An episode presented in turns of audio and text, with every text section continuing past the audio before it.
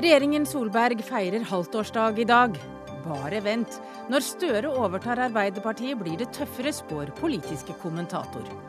54 arrestert i demonstrasjon mot fotball-VM i Sao Paulo i går. Rart å føle seg kriminell i en fredelig markering, sier norsk kvinne som deltok. Lommemannen har sendt begjæring om løslatelse. Er han rehabilitert? Nei, sier noen. Ja, sier andre. Egentlig burde vi katolikker ha ferie etter påske, mener Dominikanermunk.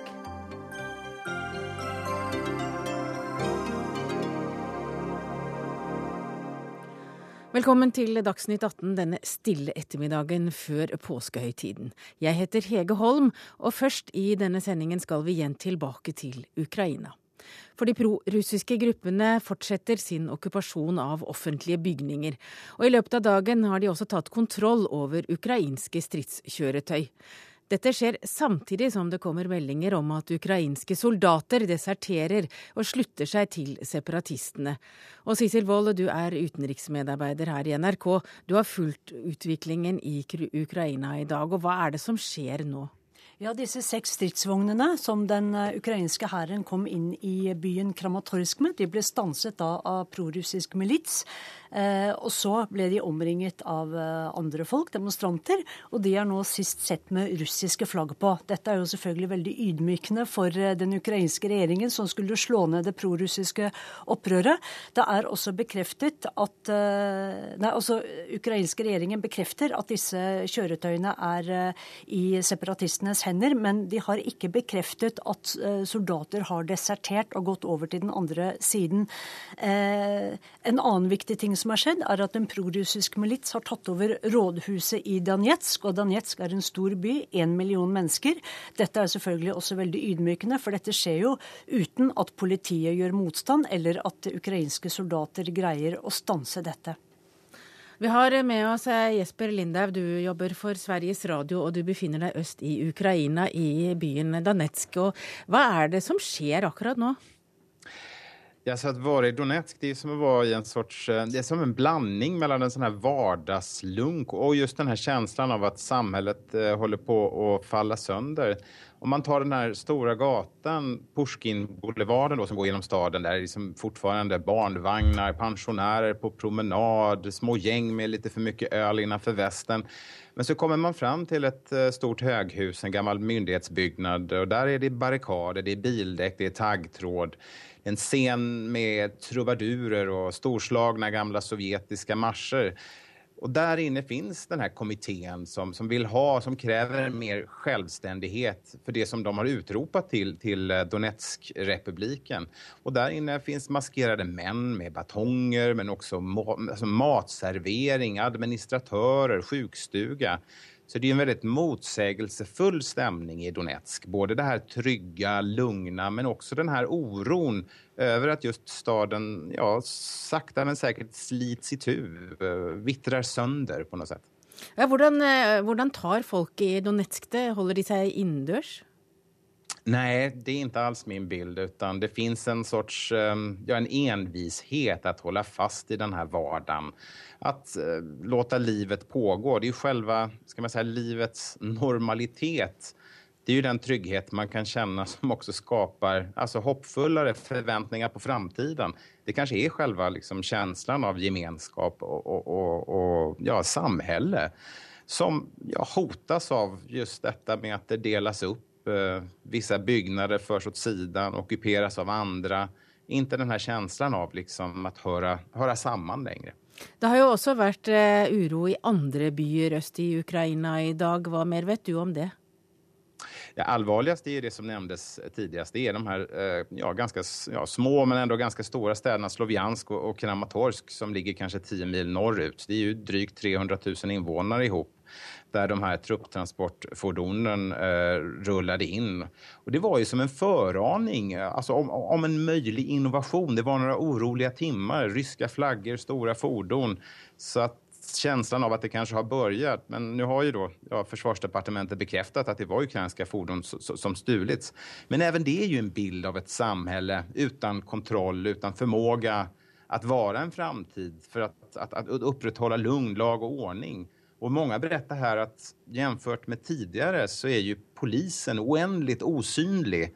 Förut fanns den i gatubilden, idag så är det mer och mer sällsynt. Även det är en bild av ett samhälle som, som, som inte kan leverera den här känslan av trygghet och framtid. Men samtidig normalt på overflaten. Ukraina har jo også ønsket FN-styrker velkommen for å bistå den ukrainske hæren i det presidenten kaller antiterrorismeoperasjoner mot prorussiske grupper. Og Sissel Wold, hvordan har FN respondert? Det siste FN har sagt, er at partene må avstå fra å bruke vold. De hadde jo et krisemøte natt til mandag uten at det kom noen veldig klare avgjørelser derfra. Ja, Nato melder også at de i lys av konflikten vil øke den militære tilstedeværelsen øst i Europa. Og Ukraina er jo ikke noe Nato-land, men har det kommet noen reaksjoner på det? Nei, jeg tror påskestillheten har senket seg. Men det Nato er veldig opptatt av i dag, er at 40, bortsett fra at de skal sende flere fly og skip, er at 40 000 russiske soldater som er oppmarsjert ved den ukrainske grensen, eh, holder seg stabilt. Altså det er ikke sendt flere tropper. Dette antallet holder seg stabilt. Så det er ikke noe som ser ut som om en økende russisk mobilisering akkurat nå. Gro Holm, du er med oss, du er utenrikskorrespondent i Washington i USA. Har det kommet reaksjoner fra Det hvite hus? Nei, ikke på det siste som har skjedd i dag. Barack Obama er veldig forsiktig med å kommentere denne konflikten fra dag til dag. Men i går så kom det via en talsmann en forsiktig støtte til de ukrainske regjeringsstyrkenes aksjon i Øst-Ukraina. Og det som ble sagt, var at den ukrainske regjeringen er forpliktet til å reagere på provokasjonene i øst. Men det ble også gjentatt at USA ikke vurderer å sende våpen til Ukraina. Man er jo veldig redd for at dette skal utvikle utvikle seg til en borgerkrig. At det ene eh, militære skrittet så, så si tar det andre, og at man kommer inn i en eh, utvikling som det ikke er mulig å stoppe. Obama og Putin har jo snakket sammen om krisen på telefon. Det gjorde de mandag. Hva var det som kom fram i den samtalen? Ja, Det var Putin som tok initiativet til samtalen, og han eh, presiserte overfor Obama at påstander om at Russland forsøker å blande seg inn i Øst-Ukraina er grunnløse. Han ba Obama om å gjøre det han kan for å unngå bruk av makt og blodsutytelse, som han sa. Eh, og han skal også ha gjentatt at han ønsker samtaler mellom alle politiske krefter om etablering av et føderalt system. Dvs. Si han vil også ha med den eh, russiske befolkningen i Ukraina i disse samtalene. Eh, det det er egentlig litt merkelig at Det hvite hus ikke har sendt ut noen redegjørelse for hva som eh, foregikk i den samtalen. Det pleier de ofte å gjøre, men det har altså ikke skjedd denne gangen. Så vi har, har Moskvas ord for innholdet i samtalen. Grohan, du har jo tidligere vært korrespondent i Russland, og du har fulgt landet gjennom mange tiår. Eh, hvilken rolle spiller Putin i det som skjer i Ukraina nå? Jeg tror det er helt klart at det er Putin som er hovedarkitekten, og som sitter og trekker i trådene i Moskva. Han følger veldig nøye med. Det kommer ingen utspill uten at de er godkjent av ham eller hans aller nærmeste og betrodde. Eh, jeg eh, oppfatter Putin som ekstremt nasjonalistisk i denne sammenhengen, og at det som er det viktige nå, det er å skremme myndighetene i Kiev for å oppnå selvstyre, størst mulig selvstyre for de russisk-dominerte regionene. Og Eh, kommer det så langt at de tvinges inn i en avtale om en eller annen form for føderasjon eller en avtale med regionene, så kan en slik avtale inneholde mekanismer som gjør at regionene kan eh, ha en slags vetomakt, eller i hvert fall bremse veldig på eventuelt EU- og Nato-medlemskap. Og jeg, jeg, tror det er eh, Putin har en langsiktig strategi med dette. Jeg tror ikke han hadde det til å begynne med, men nå tror jeg han har det. Men når mange begynner å snakke om at det nærmer seg borgerkrig, er det en form for å destabilisere landet, som Putin også har tenkt ut? Jeg tror han ønsker å destabilisere landet så langt at han kan få eh, de politiske konsesjonene han vil fra myndighetene i Kiev. Jeg tror ikke han selv ønsker at russiske styrker skal bli involvert i en borgerkrig. For det betyr jo at utviklingen er gått ut av kontroll, og at det også vil være vanskelig for han å forutse hva som vil være sluttresultatet. Som du sa, Obama har tidligere sagt at det er uaktuelt å sende amerikanske styrker til Ukraina. Men hvor lenge kan han sitte på sidelinjen og se på? Jeg tror han kan sitte ganske lenge uten å sende styrker, fordi eh, det er ekstremt upopulært. 7% sier nå i en meningsmåling denne uka her at de støtter eh, det å sende våpen til ukrainske myndigheter. Det er ikke snakk om altså amerikanske styrker, men bare det å sende ekstra våpen, amerikanske våpen til eh, ukrainske styrker, er upopulært her. Og det er kongressvalgår i år. Og med den veldig negative holdningen til større amerikansk militært engasjement utenfor eh, Natos kjerneområde, så, så, tror jeg at eh, det er relativt urealistisk nå. Takk til deg, Gro Holm, Jesper Lindhaug og Sissel Wold. Dagsnytt 18 alle hverdager kl 18.00 på NRK P2 og NRK2.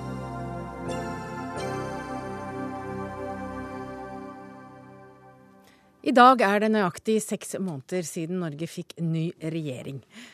Og er det sant at den nye regjeringen har fått gjennomført mer enn noen kunne forvente på et halvår? Eller er det slik at eh, den fortsatt høster fruktene av det den forrige regjeringen gjorde? Samferdselsminister Ketil Solvik-Olsen, i VG i dag så sier du at dere har fått til mye mer på seks måneder i posisjon enn dere noen gang hadde gjort i opposisjon. Men kom dere kanskje ikke bare til dekket bord? Nei, altså noe har de rød-grønne gjort som har vært veldig bra. Det bygger vi videre på. Andre ting har de rød-grønne ikke gjort, og der har vi satt i gang masse prosesser. Eh, sånn at Det er ikke sånn at dette er en svart-hvitt-situasjon. På en del på områder i norsk politikk så drar alle partiene lasset i samme retning. Andre områder som er uenige. Men det er enkelt å vise til en del ting der vi faktisk har utgjort en betydelig forskjell. Ja, Du skal få lov å ta en kort skryteliste nå, hvis det ikke ja, bare handler om bompenger. Nei, vi har fjerna en del bompenger, men langt ifra alle. Det fikk vi ikke gjennomslag for i regjeringsplattformen, så det er ingen nyhet. Men eh, enkle ting sånn som det faktisk kunne framskynde E18 gjennom Vestfold til å bli ferdig før sommerferien istedenfor til høsten billig tiltak. Symbolpolitikk vil noen gjerne kalle men det skjedde med vår regjering. Det skjedde ikke med forrige. Vi har firedobla kontrollen av eh, vogntog langs veiene. Det er viktig for trafikksikkerhet og framkommelighet. Eh, det er en betydelig satsing. Sånne småsaker har vi mange av, men det som er egentlig viktigere, det er jo de store grepene vi gjør. Det er å faktisk sette i gang et arbeid på jernbanen for å få mer gods over på jernbanen. Et skikkelig reformarbeid der vi har framskynda masse tre... Men alt dette er jo ditt departement, eh, Solvik-Olsen? Jeg kan ta andre departement hvis du vil òg, men nå spurte du om samferdsel. Vi har gjort grep. I 30 år har han diskutert i Trøndelag hvor skal ny godsterminal ligge, godsterminal ligge for jernbanen. Ingen har klart å ta grep. Vi har bestemt at den skal ligge sør for Trondheim. Så kan en gå videre og detaljplanlegge den. En har diskutert om å få eh, gjennomført E18 mellom Arendal og Tvedestrand. På 70-tallet begynte den diskusjonen. På mandag var jeg nede og sa nå bevilger vi penger, nå kommer vi i gang. Tidligere enn det som var forutsatt. Men hvis vi skal si at du er en del av regjeringen, hvilke saker er det du vil være ekstra stolt av at dere har satt i gang eller gjennomført? Vi har eh, redusert skattenivået i Norge med nesten 8 milliarder kroner. Det er betydelige skattelettelser til næringslivet og til arbeidstakere. Det er reduksjoner av en del avgifter som folk betaler. Vi er langt ifra i mål, men det er en god start. Vi har eh, økt satsingen på justis. Politiet har fått mer midler. Vi er blitt strengere på innvandringspolitikken. Flere ulovlige innvandrere sendes ut av landet. På helsevesenet så har vi begynt en del reformarbeid der. Vi har økt bevilgningene. Det betyr at du kan operere flere pasienter. Innenfor Kommunaldepartementet, som Høyre styrer, så har han altså satt i gang en reform for kommunesektoren, som jeg ser at veldig mange partier er enig i det arbeidet som skjer. Men vi har òg fått en ja-fase, der en nå sier ja til mange søknader fra kommunene der en før sa nei. En er ikke så opptatt av å komme med alt mulig innsigelser fra statlige etater, enn lar kommunene få styre mer sjøl. Sånn vi sier at vi stopper der i ja. denne omgang. Men eh, etter at du nå har vært statsråd i seks måneder, har du få, nå fått større forståelse for at saker tar litt lengre tid enn eh, det du trodde når du var en utålmodig opposisjonspolitiker? Jeg har forståelse for at ting tar tid. Eh, det som er viktig, det er jo at vi politisk kan ta raskere beslutninger at eh, byråkratiet maler litt langsomt. At når du har tusenvis av offentlig ansatte som skal følge politiske signal fra toppen, så tar det tid før en kan gjennomføre ting. Det er for så vidt ingen nyhet. Det som har irritert oss, spesielt fra FrPs side, det er jo at en ikke klarer å skjære gjennom på disse byråkratiske sakene. Noe så enkelt som det å stille krav om, om glattkjøringsegenskaper for sjåfører om vinteren. Det har vi jo veldig strenge krav på til norske sjåfører, men utenlandske trailersjåfører har ingen sånne krav når de kommer til Norge. Når vi utfordra forrige regjering på det, så fikk vi beskjed om at det var ikke lov å stille sånne krav, for det sier EU. Nå sitter vi i regjering, da har vi reist til EU. Vi har satt i gang en prosess. Vi jobber med andre EU-land nettopp for å få lov til dette, fordi det er viktig. Og vi møter forståelse. Så neste vinter når jeg kjører til Vestlandet, så slipper jeg å bli stående i timevis fordi det står trailere på tvers som ikke har skikkelig skodd for vinteren? Det er i hvert fall vår målsetning. Stille strengere krav til tekniske ferdigheter, eller tekniske stand på bil, kjøreferdighetene til sjåførene og flere kontroller. Jeg skal ikke garantere at du ikke møter noen, men risikoen skal bli mye mindre. Det var en del av skrytelista. Det er sikkert mer hvis du hadde fått mer tid til det. Ja, men Trond Giske, du er stortingsrepresentant for Arbeiderpartiet. Kan du innrømme at denne regjeringen har vist at den er ganske handlekraftig? Nei, jeg kan heller si at den ikke har rukket å gjort så mye skade som kanskje noen hadde frykta. Eh, jeg tenker at når Frp har venta i 40 år på å komme inn i regjering, eh, og så En av de viktigste tingene Solvik-Olsen har å skryte av hva man har gjennomført når man da endelig kom i regjering, det var at eh, en parsell på E18 ble ferdig tre-fire måneder før fordi entreprenøren hadde bygd raskere. Eh, da får vi lene oss tilbake og si at vi tok litt feil av Frp. Det var ikke så skremmende omveltninger i samfunnet som man hadde varsla. Noen ting er veldig bra at man ikke gjør. Eh, Frp og Høyre hadde jo varsla en storstilt eh, privatisering av skole og omsorg. Foreløpig har vi ikke sett så mye av det. Det er varsla at det kommer, vi kommer til å kjempe mot det når det kommer. Eh, men eh, at eh, det tar tid, det er bare bra. Men, men, har, noen, men det er jo en del temaer som de har klart å rokke ved. F.eks. pappaperm, privatskoler, ja. barnehager, for å nevne noe. Ja, men det har jo ikke noen... ført til de store katastrofene ennå, for det om de har endra på den rød-grønne politikken? Nei, og sånn er jo Norge litt, at endringer skjer heldigvis kanskje da langsomt. Men noen ting har de rukket å gjort. De rakk å reversere forslaget om å ha flere opptak i barnehage, selv om Frp gikk til valg på flere opptak. De rakk å reversere eh, studiefinansieringa på 11 måneder, selv om Frp gikk til valg på 11 måneders studiefinansiering. De har rukket å gjort barnehagene dyrere. De har rukket å innført en reservasjonsrett som møter stor motstand. Og de har rukket og begynt å skape litt større forskjeller på folk. Frp lovte at vanlige folk skulle få skattekutt. Eh, en person med vanlig inntekt fikk 50 øre dagen i skattelette. Jo da, for, for en som tjener 350 000 kroner, så fikk de 50 øre per dag. Det står i eh, Finansdepartementets egne tabeller. Mens en som tjener et par millioner, fikk 40 000 i skattelette. Og det skaper større forskjeller i Norge. Jo da, det, ja, men det er vel ikke noe mål å ikke skape forskjeller? Hvilket har vel ikke vært poenget for Frp? Å skape større Nei, men det å legge til rette for at næringslivet kan investere og opprettholde jobber, samtidig som du gir skattelette til vanlige folk, det er viktig. Men det vanlige folk ja, men, jo, er jo ikke 50 øre. Hør, hør Trond Giske, nå har du svartmalt. Jeg kan svare på alt dette, for du drar ting ut av sammenheng. Det å prisjustere barnehageprisene, det har dere òg gjort. Så det er ikke å gjøre barnehager dyrere, det er rett og slett å følge inflasjonen. Det gjorde Arbeiderpartiet så lenge de styrte. Det har vi fortsatt med. Det betyr ikke at vi har økt i mer enn inflasjon, men vi har fulgt det prinsippet som Arbeiderpartiet styrte. Når det gjelder barnehageopptak, så er det like mange barnehageopptak nå som det var når Arbeiderpartiet styrte. Så det å få kritikk for det er helt urimelig. Det samme går på skatteklasse 2. Stort sett alle eksemplene her gjennomføres på samme måte i dag som når Ap styrte. At det plutselig er kritikkverdig fra Ap, det sier litt om å svartmale. Men når det gjelder skattelettelse, så handler jo dette òg om alle de andre avgiftene. Og VG hadde jo en gjennomgang som viste at for en familie på to voksne og to barn, så ligger du an til å få en skattelettelse på et par tusen kroner i året. Det er mer enn 50 øre dagen som du gir inntrykk av. Så la oss være redelige her på helheten. For å ta det som du begynte med. E18 Vestfold. Ja, jeg sa sjøl det er en liten symbolsak. Men vi gjennomførte det. Vi viste handlekraft og greip inn. Forrige regjering gjorde ikke det. De la opp til at denne skulle åpnes i oktober. Men det som er de store reformene våre, det er jo å få på plass et eget veiinvesteringsselskap. Og det, det har vi diskutert her i studio mange ganger. Men, Men det, er jo en, det, er jo det som er den store forskjellen. Det er jo det som er den store reformen som vil leve videre. Ikke en liten parsell her. Det er da virkelig ingen som er mot at E18 blir ferdigere uh, fortere enn mulig. Men dere det, gjorde det ikke. Nei, men, det gjorde vi. Nei, men Hvorfor gjorde vi det ikke? Fordi at entreprenøren varsla i fjor vår at man var i ferd med å komme raskere. Så nei. var det en forhandlingssak. Hvor mye skal han ha betalt for det? Og så fant dere pengene. Den forhandlingen vi, begynte ikke dere på. Nei, men det, hadde, de pengene hadde ja, men, men, Hjelp meg, Solvik-Olsen. Hvis de store skillelinjene med å få Frp inn i regjering var om E18-parsellen var ferdig fire måneder før, så er det jo bare tull. Det som er de store tingene, det er fordelingspolitikk som går i gæren retning. Nei. Det er likestillingspolitikk som går i gæren retning. Og det er de varslene dere har på privatisering. Men så skal du ha at veldig mange områder så høres dere omtrent ut som den forrige regjeringa. Mens du, da du var i opposisjon, lovte at alle bompenger skulle bort, så sitter du nå og er den samferdselsministeren gjennom tidene som kommer til å ta inn mest bompenger noen gang. Det vet du Mens ikke dere satt i opposisjon, så skulle vi bruke mange Ja, er titalls milliarder mer i oljepenger. Ja. Nå er Siv Jensen den fremste forsvarer av handlingsregelen. Så du har bevega deg fra opposisjon til å bli et ganske normalt høyreparti i regjering. Et litt kjedelig høyreparti, riktignok, men veldig mye av det du lovte velgerne Kjenner før du på deg det at du blir er borte. litt kjedeligere når du sitter i posisjon? Nei, At du for- ser eh, fordeler og ulemper, Ja, og det For tar det litt første mer så tid? er det ingen hemmelighet i at når du kommer inn i regjering, så må du inngå kompromiss. Det trodde jeg Ap visste. Det betyr at vi vinner en del saker, og vi taper en del saker. Vi får altså redusert bompengeandelen i Norge sammenlignet med det de rød-grønne ville. Det, det siste de rød-grønne gjorde før de gikk ut, var å vedta 90 nye bomstasjoner.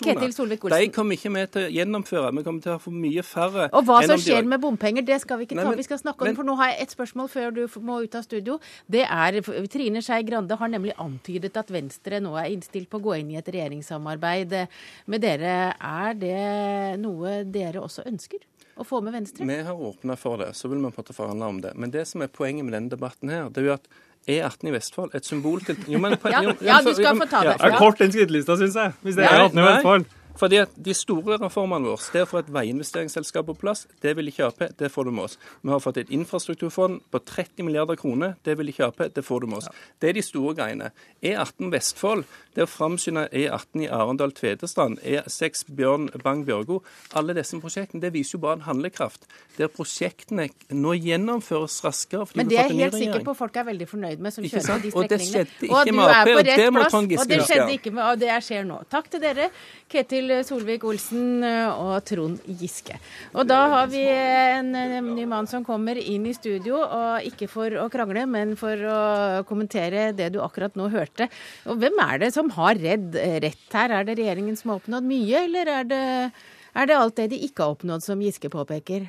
Som de burde ha oppnådd? Ja, er, jeg, jeg tror ikke jeg skal dømme hvem som har rett, det er politikk, så de mener vel at de har like rett begge to.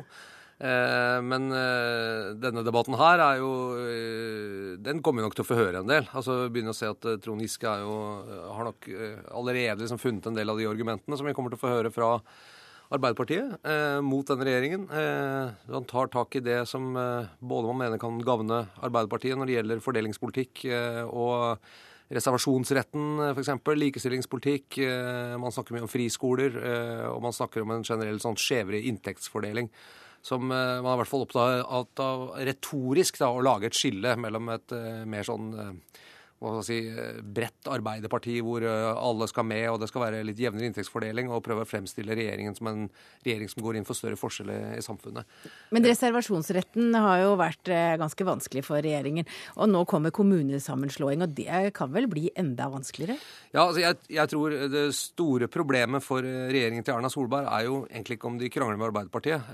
Det Problemet er vel hvis de ikke får krangle med Arbeiderpartiet. Men, men problemet er jo de relativt litt uavklarte samarbeidsforholdene fortsatt på borgerlig side mellom Høyre og Frp i regjering. Det går ganske smooth, for å bruke et sånt ord, virker det som. Frp er veldig modent for å gå inn i regjering. Lite intern friksjon. Du har litt Tybring-Gjedde, litt Per Sandberg og sånne ting, men det blir ikke noen voldsom politisk dynamikk i det. Eh, Den Carl I. Hagen eh, utenfor fløya ser ut til å være veldig svak i, i partiet for tiden, i Frp. Så, så Høyre Går ganske bra, men så er det nok eh, noen skjær i sjøen med Venstre og, og KrF, og hvordan dette, skal, eh, hvordan dette samarbeidet skal arte seg. Nå er det interessant det er om eh, altså, Gjorde KrF og Venstre rett da de valgte å stå utenfor regjering?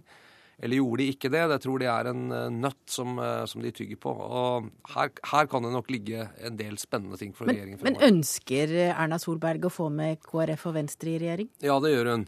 Eh, Hun har sagt eh, også i intervju at eh, hennes mål er å gå til valg i 2017, om ikke som leder for en firepartiregjering, gjerne det, men i hvert fall med en klar forpliktelse fra de fire partiene om at de stiller seg bak en ny borgerlig regjeringsperiode, da underforstått med henne som statsminister. Så hvis det samarbeidet rakner, så er denne regjeringsperioden og valgseieren til Solberg ja, da, da faller den mye i verdi. for eksempel. Hva skjer når Arbeiderpartiet bytter leder, når Stoltenberg drar til Nato og Støre overtar? Ja, det er også interessant, fordi eh, det er klart at Stoltenberg er nok en formidabel politisk motstander for enhver, eh, altså som opposisjonsleder. En av Norges eh, mest drevne og erfarne politikere, og, og har et eget grep om debatter, eh, sånne opptredener som vi bl.a. så i valgkampen, der han nesten på egen hånd klarte å bremse Høyres eh, framgang, sende dem nedover på meningsmålingene og fikk eh, Arbeiderpartiet oppover 30% noe som på ingen måte var gitt da valgkampen begynte. Erna Solberg sa i det samme intervjuet da han snakket om dette med firepartiregjering, et intervju vi hadde i VG før, før rundt nyttårsaften, tror jeg, at hun på en måte trodde at det ville gagne henne om Stoltenberg forsvant og hun møtte en annen statsminister, motkandidat, i, i valget i 2017. Eh, men jeg er ikke, det gjenstår litt å se. for Samtidig som Stoltenberg som person selvfølgelig er en, en formidabel, har vært en formidabel norsk politiker og vanskelig å møte for alle som skulle møte han i debatter, og en, en fryktet motstander, så sa jo velgerne i 2013 relativt klart fra at de mente at Stoltenbergs regjeringsprosjekt ville ikke ha lenger, de ville ha noe nytt. Uh, og det å kunne altså, prøve å gå til valg igjen i 2017 og si nå skal vi tilbake til en ny Stoltenberg-regjering, en ny rød-grønn regjering f.eks., er ikke gitt at norske velgere eh, ville eh, tatt det. Og det kan også være noen ting i arbeidet som tyder på at en ny leder Kanskje også en annen fornying i partiledelsen på landsmøtet i 2015 som kommer, vil vil bidra til en nødvendig fornying av Arbeiderpartiet, som kan gi dem et håp da, om valgseier i 2017. Så det blir verre for eh, Erna og de blå å drive i regjering eh, med Støre som leder? Ja, det, det, kan i hvert fall bli det. Og jeg tror ikke man skal se, se bort fra heller at, at, det kommer til å bli ganske mye fisking om eh, KrF, i hvert fall, fra Arbeiderpartiet. KrF samarbeider jo med Arbeiderpartiet i Trondheim. Arbeiderpartiet virker som de er avhengig av å få med ett parti til på sin side hvis de skal oppnå sånn nødvendig oppslutning for å kunne få flertall i neste valg. Og der kan det jo hende at Støre som en ny leder har noe mer spillerom på det enn det Stoltenberg hadde. Og det blir jo ikke kjedeligere å være politisk kommentator i VG, Fridtjof Jacobsen? Aldri kjedelig å være politisk kommentator, særlig ikke i VG.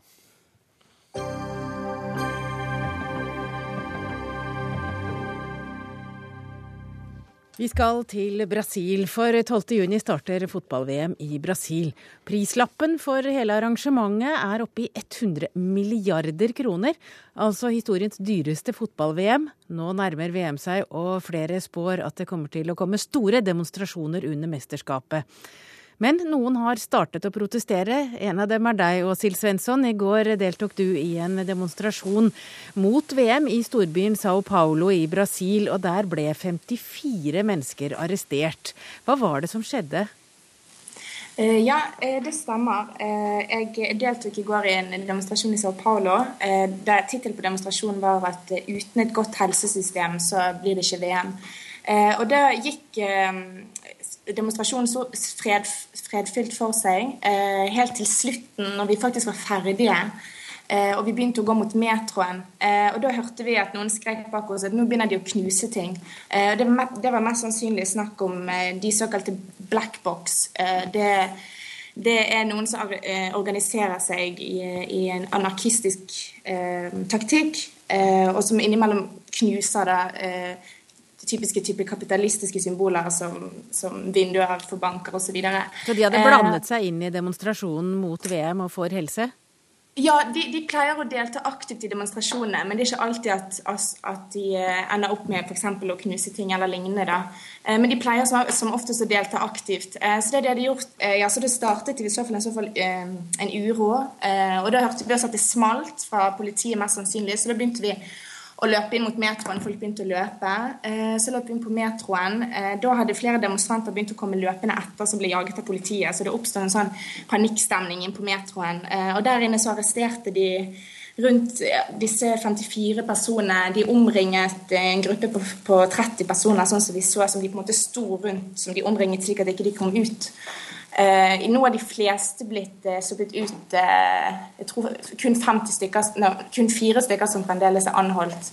Uh, så, Men Åshild ja, Svensson, hvorfor, hvorfor, er det så mange som demonstrerer nå før VM? I fjor sommer var det jo store demonstrasjoner, så stilnet det. Og nå er det altså demonstrasjoner rundt omkring i Brasil igjen. Hva er det man vil oppnå? Ja, eh, det stemmer. Eh, poenget med demonstrasjonen er ikke bare å si at vi ikke vil ha fotball-VM. Poenget er å si at eh, når det brukes så enormt store summer på fotball-VM, mens elementære områder som helse, transport, utdanning blir neglisjert, så er det et forsøk på, på, på, å kreve tilbake disse rettighetene. Da, og gi beskjed om at ikke befolkningen kan finne seg i å kun fokusere på en fest som er stort sett for de rikeste og for utlendinger enn det for brasilianerne sjøl. Eh, så det er det som er poenget. Så dette begynte i januar for alvor. Eh, I Sao Paulo f.eks. er det én demonstrasjon i måneden som har et tematisk fokus. Det har vært utdanning, det har vært transport, og i går var det helse. Og dette skal fortsette frem til VM. Men tror man at hvis du ikke har VM, så vil du få bedre helse, bedre transport og bedre skole? Det går an å si at det handler på en måte om proporsjonene av arrangementet. Eh, og hvordan det har blitt utført. Eh, og, og hvordan altså, Kravene til Fifa er enorme når det kommer til, til summer og infrastruktur. Og også, hvordan, og også hvordan denne infrastrukturen ikke vil komme innbyggerne til gode. Det er noe som har blitt lovet fra, fra regjeringen. Så, så, veldig mange føler seg snytt, rett og slett, ut ifra det de har blitt lovet. Torkjell Leira, du er samfunnsgeograf. Du har også skrevet boken eh, 'Brasil kjempen våkner'. Her hører vi Svensson fortelle om demonstrasjoner i Sao Paulo og andre steder i Brasil. Hva er det demonstrantene tror de kan oppnå nå like før fotball-VM? Ingen tror vel at man kan få stoppa VM. De fleste er innforstått med at det kommer til å gå. Men de ønsker å uttrykke stor misnøye over at det er så mye sløseri eh, at det brukes så enorme summer. Og så er det de kravene som blir nevnt her. Det, folk vil ha bedre helse, bedre utdanning, bedre offentlig transport og mindre korrupsjon. Det er på en måte de fire hovedkravene. Men eh, det er vel ikke noe i land i verden som elsker fotball eh, så høyt og så intenst som brasilianerne. Hvorfor går de løs på VM?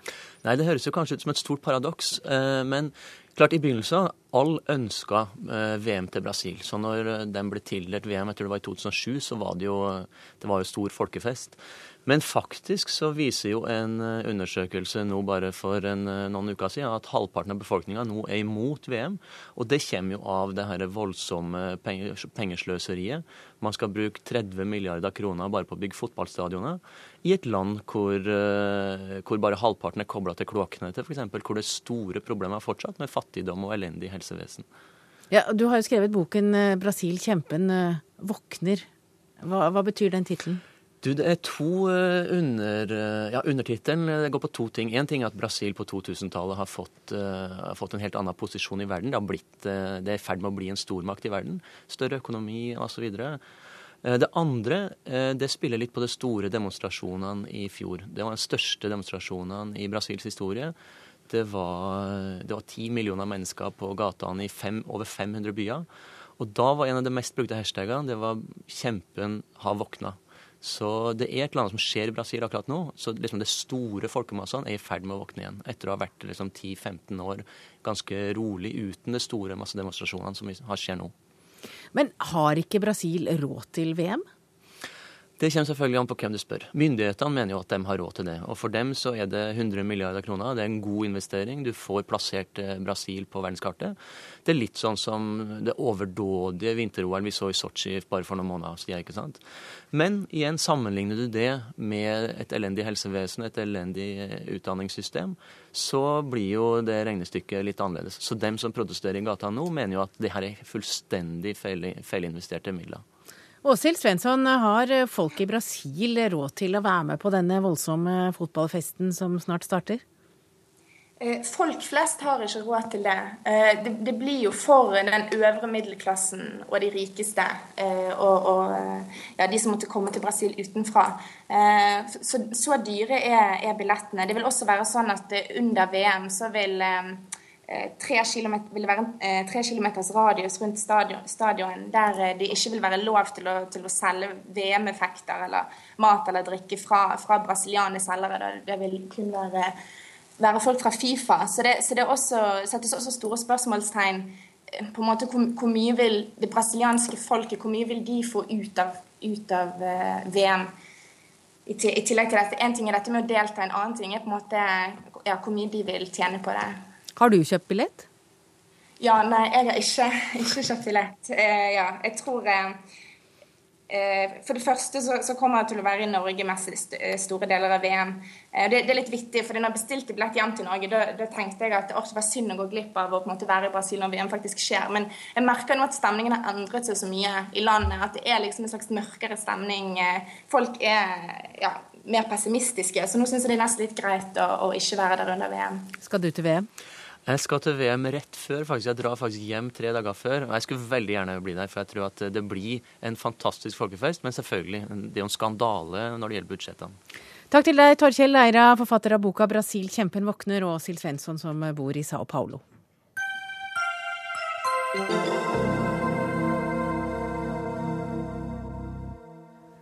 Det er litt over tre år siden Erik Andersen alias Lommemannen ble dømt til ti års forvaring med en minstetid på syv år. Nå søker mannen som sto tiltalt for overgrep mot 68 unge gutter, om å bli prøveløslatt til sommeren. Og Håkon Brekkhus, du var en av bistandsadvokatene for ofrene i Lommemannen-saken. Og du har reagert på den korte behandlingstiden av Erik Andersen. Hva er det du nå er bekymret for? Det er jo om, om det er tilstrekkelig ivaretatt behov for samfunnsvern ved, ved en prøveløslatelse nå, og da en senere løslatelse, som jo ligger i at man kommer ut på prøve først. Ja, hva er det, hva er det Nei, du frykter? Det, det er ganske kort tid siden den dommen fra lagmannsretten forelå. Det var desember 2010, så det har gått noen år, få år. Og, og på domstidspunktet så sa man at han ikke hadde hatt utbytte av den behandlingen han hadde fått fra 2008 og frem til da. Og da Altså, jeg, jeg vet jo ikke, men altså jeg stiller meg litt skeptisk til at man nå sier at det er trygt å løslate ham på prøve. Du representerer jo ofrene i denne saken. Hvordan mm. reagerer de? Ja, det tror jeg er blandet. Og det er klart, de har jo ikke noe å frykte for, fra ham. Det er jo holdt på å si, De er ute av den aldersgruppen som, som eventuelt kan ha noe å frykte. Og reaksjonen er nok nokså blandet. Randi Rosenkvist, du er psykiater ved Ila fengsel, og du er blitt brukt som sakkyndig i denne saken. Derfor har ikke du lyst til å gå i detalj. Men når dere nå vurderer seksualforbrytere som ferdig rehabilitert, hvor sikre er dere på at eh, de er klare til å gå ut i samfunnet? Vi vurderer alle som er forvaringsdømt ved minstetid. Og for å se om det har skjedd en endring i risikovariabler fra vedkommende ble fengslet. Og det er alltid en skjønnsspørsmål. Man kan aldri være sikker på noe som helst. Og det er jo veldig mange kriminelle som begår ny kriminalitet. Vi prøver å bruke den vitenskapelige Eh, dokumenterte kunnskap om de forskjellige risikofaktorer og vurdere dem.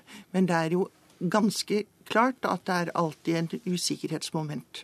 Og mange reagerer jo på at tre år er for kort tid i denne saken. Forstår du det?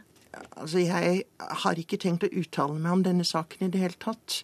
Men jeg vil si at folk som har begått pedofile handlinger, er like forskjellige som folk som er heterofile og har begått seksuelle overgrep eller ikke har begått seksuelle overgrep. Men hvordan er det mulig å rehabilitere f.eks. pedofile for sin seksuelle legning? Altså Det kommer helt an på hva som plager den pedofile. For de er jo ofte plaget, og det er noen som er pedofile fordi at de er psykisk utviklingshemmet og egentlig er barn i hodet. Og da kan man vel ikke gjøre så veldig mye med det, men man kan se på miljøet rundt for at de blir ivaretatt. Det er andre som er gjør pedofile handlinger i en krisesituasjon hvor de, de reagerer veldig infantilt på det. Det er, noen som er genuint pedofile, og som bruker lang tid på å bli kjent med unge gutter og ha seksuell kontakt med dem over tid. Og for dem er det nok vanskelig. Men på den annen side så kjenner jeg ganske mange, både heterofile og homofile, som ikke har sex fortløpende. Og de begår ikke kriminelle handlinger den, av den grunn. Slik at jeg ser ikke noen grunn til at de genuint pedofile skal være nødt til å begå kriminelle handlinger. Men mange av disse forbryterne blir jo beskrevet som smarte og sterkt sosialt oppegående, og de har jo klart å, i denne saken også, mange år skjule det. Er det mulig at de klarer å lure dere fagfolk òg? Naturligvis er det mulig, men jeg er ikke sikker på at det er denne gruppen som lurer oss mest. Men jeg vil jo si at de som er smarte, de kan jo da skjønne at dette her var en usedvanlig dårlig ting å gjøre, og at de kan innrette seg slik at de ikke gjentar det. Det er de dumme som ikke skjønner at de må endre atferd, som jeg er mest bekymret for. Er du, er du tillit til at sakkyndige i disse sakene gjør en ordentlig jobb, Brekkhus? Ja, det har jeg. Det har jeg. Men også kan kanskje litt i forlengelse av det Randi Rosenkvist sier om de smarte og de dumme, litt i anførselstegn, så er det jo det for denne gruppen er For de smarte og tilpasningsdyktige så er jo verden slik at man kan reise til andre land. Man kan også lære holdt på å si, av de feilene man har gjort, i negativ retning, og ikke gjøre dem igjen, slik at man ikke blir tatt. Og Man vet jo også at det er store mørketall på dette med seksuelle overgrep. Slik at det å fange opp en person som da fortsetter den løpebanen han har vært på, det er ikke bare bare. Og dette er slik jeg ser det, litt som å drible i forsvar. Altså man må, man må på en måte kunne tenke tanken ut at dette skal gå bra. Man skal være rimelig sikker på det hver gang man løslater en person. For de negative konsekvensene hvis man tar feil i denne vurderingen, de er ganske store for de som da eventuelt blir utsatt for et nytt overgrep. Jeg skjønner dette resonnementet så absolutt, men vi har ikke livstid for pedofile eller for de som begår væpnet ran eller grov voldtekt av voksne kvinner. Og det vil være en mulighet for gjentagelse, men vi må innenfor vårt rettssystem uh, sørge for at de risikofaktorer som vi har kjennskap til og kan påvirke, at de går i riktig retning. Ja. Men du har holdt på lenge, Randi Rosenkvist. Ja. Og, og, har grensene forandret seg her? Grensene for hva da? For å slippe folk løs, for å ha tillit. Nei, det tror jeg ikke. Snarere tvert imot. Jeg, altså, med forvaringsstraffen så er det jo, jo, en hel del personer som får forvaring fordi at man er redd for at de skal gjøre ting igjen. Og av og til så sier vi i kriminalomsorgen at vi anbefaler ikke prøveløslatelse, og domstolen sier at de prøveløslater. Av og til så går vi for prøveløslatelse, og domstolen kan være enig eller uenig. Slik at vårt system, hvor det er ganske mange som utleder saken altså Når det gjelder Andersen, så er det jeg fra Ila, så er det juristene på Ila, så er det eksterne sakkyndige, så er det kriminalregionen, så er det statsadvokaten, så er det domstolen. Det er ganske mange instanser som ser på en slik sak. Nå er det jo sånn at eh, mellom 10 og 14 av eh, de seksualforbryterne som slipper ut igjen, begår nye lovbrudd. Altså de fleste gjør det absolutt ikke. Eh, må man ikke da bare ta den risken? Ja, Det kan du si. Altså det, det tallet er vel hentet fra de som holdt på å si, har unge gutter som sin preferanse. Men det er jo også slik med de tallene at det er jo heftet høy grad av usikkerhet til dem. Og for å si det sånn, ett overgrep er ett overgrep for mye. Og hvis det er en tidels sjanse for at det blir et nytt overgrep, så syns jeg det er i overkant. Lenger kommer vi ikke i dag. Takk til deg, Håkon Brekkhus. Takk til deg, Randi Rosenquist. Hør Dagsnytt 18 når du vil. Radio NRK Radio.nrk.no. En skulle tro at med en slik virkelighet skulle det være helt unødvendig å skrive krim, men eh, det er det ikke. Påske er jo høytid for eh, bokhandlere og krimforfattere. Det begynte i 1923 med Bergenstoget plyndret i natt av pseudonymet Jonathan Jerv. I år er det vel Jo Nesbøs Sønnen som er den store påskefavoritten. Men boklesere kan mer enn, eh, lese mer enn én bok i ferien. Marit Reiersgaard, du har skrevet en krim, den kom ut på Gyldendal eh, før påske. Dette er din andre krimbok og heter 'Jenta uten hjerte'. Vi er altså midt i den stille uken, og nå håper vel du at det sitter mange foran peisen og leser akkurat boka di? Ja, selvfølgelig. Det er det alle forfattere drømmer om, det. At man skal ha mange lesere. Hvorfor skriver du krim? Ah, ja, hvorfor? Når jeg begynte å skrive krim, så var det jo først eh, litt sånn eh, ikke helt det at jeg skulle skrive krim. Jeg hadde lyst til å skrive en historie om personer, for det er det som opptar meg mest, relasjoner mellom mennesker. Men det utvikla seg veldig fort til å bli en krim da med min første debutroman. Og jeg tenker jo at krimsjangeren også er kanskje den mest utfordrende sjangeren. For skal man ha en god krim, så bør man jo først og fremst ha en god historie, og så må man ha gode karakterer, og samtidig så må man jo ha dette plottet som skal gå opp, da. Så jeg tenkte jeg skulle gjøre det litt sånn ekstra vanskelig for meg sjøl, så prøver jeg meg på en krim. Og du får det til å gå opp. Jeg har lest den. Men, men din bok handler altså om en tenåringsjente som blir drept etter en fest, og for alle foreldre er jo dette en grøsser mm. mer enn det er en krim. For du ruller opp en uh, historie om helt uh, tilsynelatende alminnelige ungdommer. Mm. Og det handler om mobbing, selvskading, selvmordstanker, og i et tilsynelatende helt uh, alminnelig miljø i Lier utenfor Drammen. Hvor mye realisme er det i dine skildringer? Jeg er redd at det er realistisk. Jeg tror det skjer mye i ungdomsmiljøer, og dette er med sosiale medier, og det skjer mye der som vi foreldre ikke vet om. Og det er kanskje det som vi er så redd for også, fordi det er et veldig uoversiktlig terreng å orientere seg i. Fordi uh, de flytter seg jo. Uh, når vi voksne kommer på Facebook, så er det jo ikke så interessant for ungdommene å være der lenger. Så flytter de seg. Så finner de nye plattformer. og og der er det jo vi voksne kanskje ikke alltid henger med, da. Og mange har kanskje også litt skylapper, fordi eh, vi, vi, skjønner liksom ikke noe av alt dette som foregår på nettet, og så velger vi å ikke, ikke gå så inn i det, kanskje. Men jeg syns jo vi bør følge litt med, da. Har du testet ut boka på den aldersgruppen du har skrevet om? Ja, jeg har, jeg har Jeg vet om noen som har lest, ja. Mm. Og de sier at sånn er det bare? Det har de vel egentlig ikke sagt, så jeg vet ikke, det er mulig at de er litt inhabile. Men det kan helt sikkert bli en snakkis eh, i, i, de mange hjem i løpet av påsken, mm. hvis du kan få også de unge til å lese.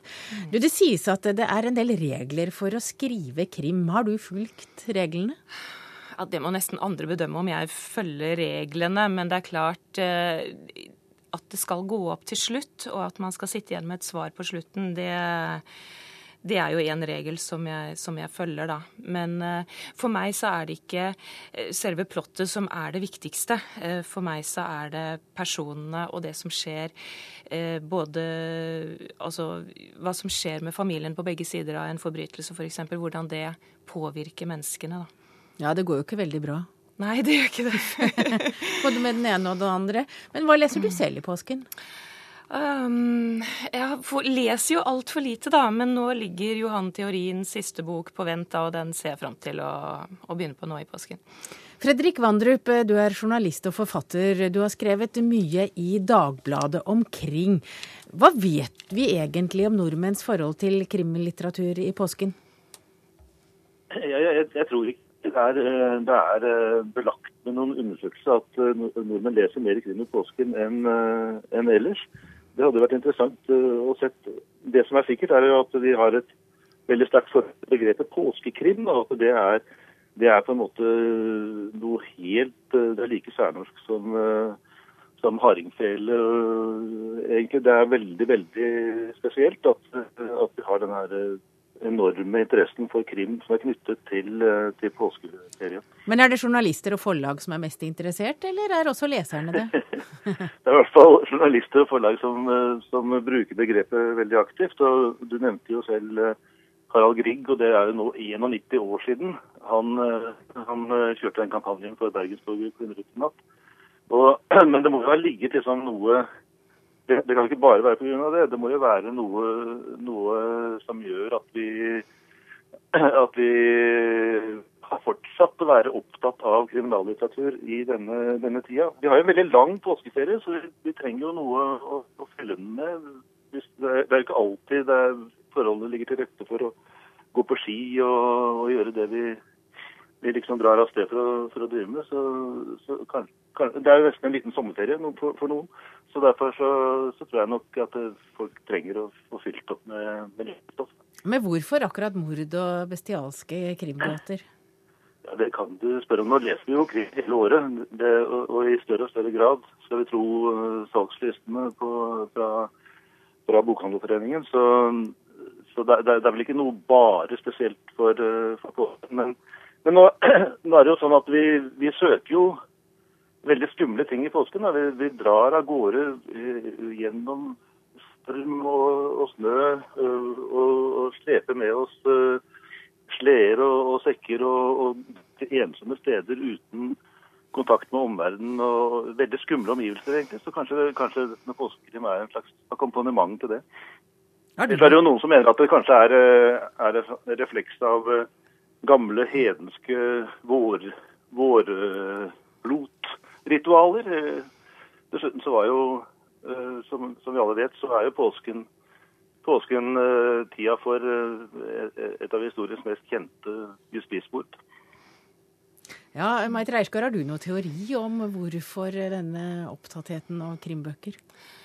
Ehm, sånn nå til påske, ja, tenker du på? Påske. Ja, altså, og krimserier ja, på TV. Og... Jeg tror vi har det veldig trygt og godt her i Norge, at vi kanskje trenger å utfordre hverdagen litt. Uh, men sånn for min egen del, da, når det gjelder påskekrim, så var jeg jo oppvokst egentlig med Frøken Detektiv på nettopp det som Fredrik sier her, med en hytte langt utpå i ødemarka. og Um, og det er klart den der spenningen der med at man er isolert, og, og da lese en spennende historie egentlig under trygge forhold, det, det er ganske morsomt, da.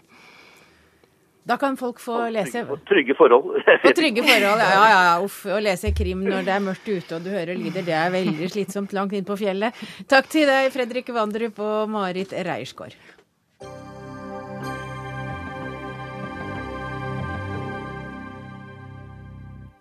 I morgen er det skjærtorsdag, og helligdagene i påsken kommer i kø. Over hele landet forbereder prester seg til å forkynne budskapet om Jesus som, eh, igjen, eh, som døde og sto opp igjen tredje dag. Og nå får jeg to inn her i studio som begge har et nært forhold til kirken, men hver sin. Først deg, Asle Rossavik, du er kapellan i Lambertseter menighet i Oslo. og du du jobber nå for å trekke til deg mange i påsken. Hvorfor er det en viktig høytid for deg? Påsken er den viktigste høytiden eh, for kirken. Og for meg så er jo det en viktig høytid òg fordi at den eh, sier noe eh, veldig sentralt om hva det er å være menneske. Menneskenes kår i verden med all den lidelsen og elendigheten som vi òg ser. Hvorfor er den viktigere enn jul? Hvorfor er det viktigere enn jul? Det, det er et godt spørsmål. Det,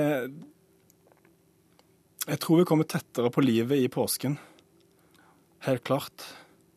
Vi kommer tettere på det som handler om de eksistensielle tingene rundt, rundt døden. Rundt hva det er å være menneske, men også dette utrolige og ufattelige som handler om eh, å stå opp igjen fra de døde. Altså den veldig sterke og ja, uforklarlige historien rundt det.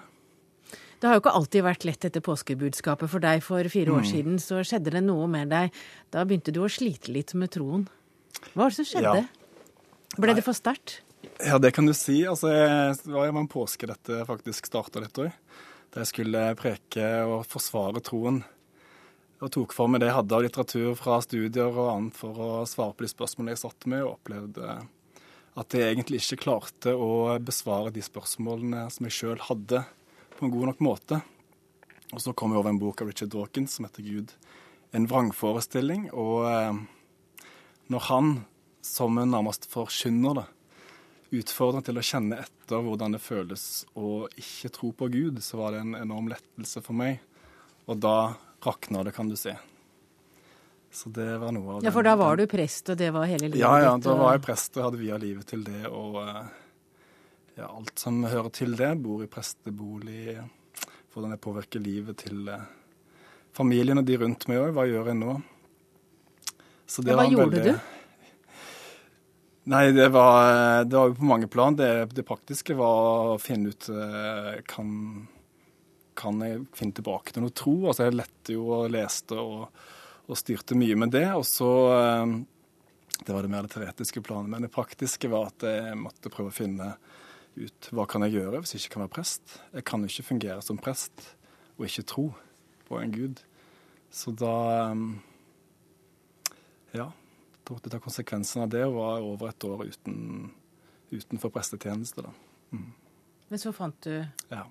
fant du den igjen. Hvordan da? Hvor det, var det noe som skjedde?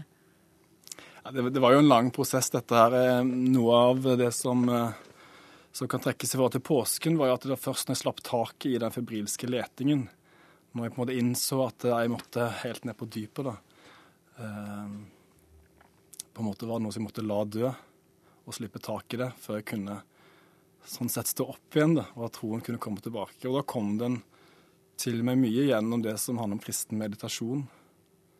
Eh, og et ordløst forhold til en gud som en ikke kan romme i.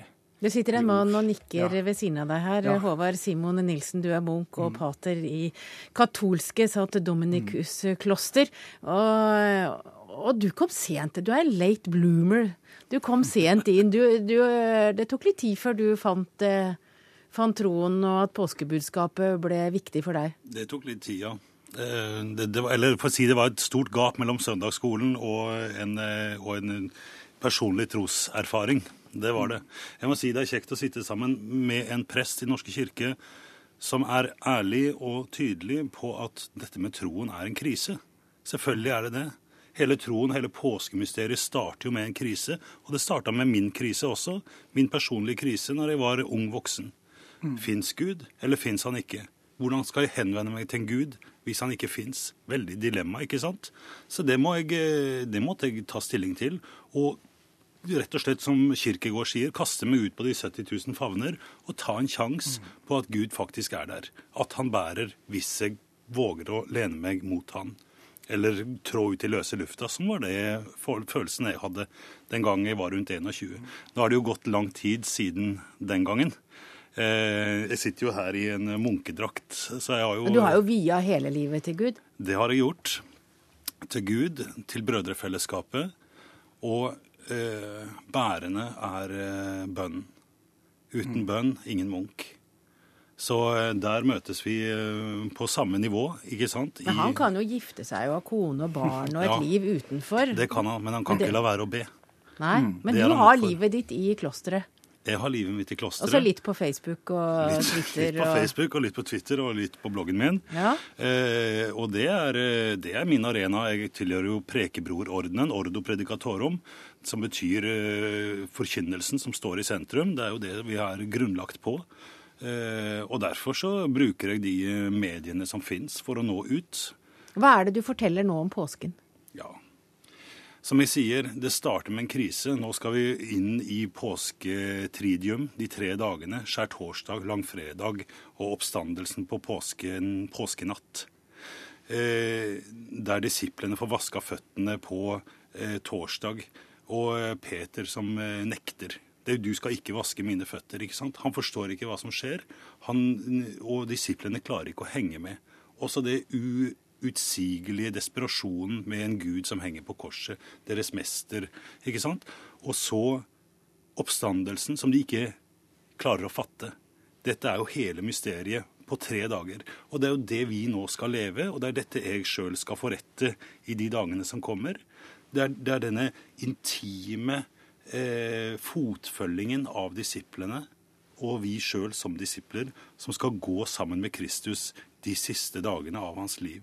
Men, men det er jo en historie vi kjenner, den kommer igjen og igjen. Hvordan klarer du å fornye den, sånn at det er noe vi forstår som vi ikke forsto i fjor? Ja, der har du liturgiens kraft. For liturgien det er det samme gang på gang på gang. Men når du går inn i liturgiens rom, inn i det guddommelige teatret, som du godt kan kalle det, så er du sjøl ikke lenger en tilskuer, men du er en deltaker. Liturgien er deltagelse i sin natur. Og nettopp derfor eh, er liturgien så sterk. For den tar deg med inn, og du blir en del av det som skjer. Og jeg blir stilt overfor mitt eget liv. Eh, Hvor står jeg i forhold til Gud i dag? Henger jeg med? Er vi i kontakt? Du nytter ikke å lyge vet du, for Gud. Gud som er sannhet, ikke sant? Det er jo forresten Dominikanerordenen sitt motto. Sannhet veritas.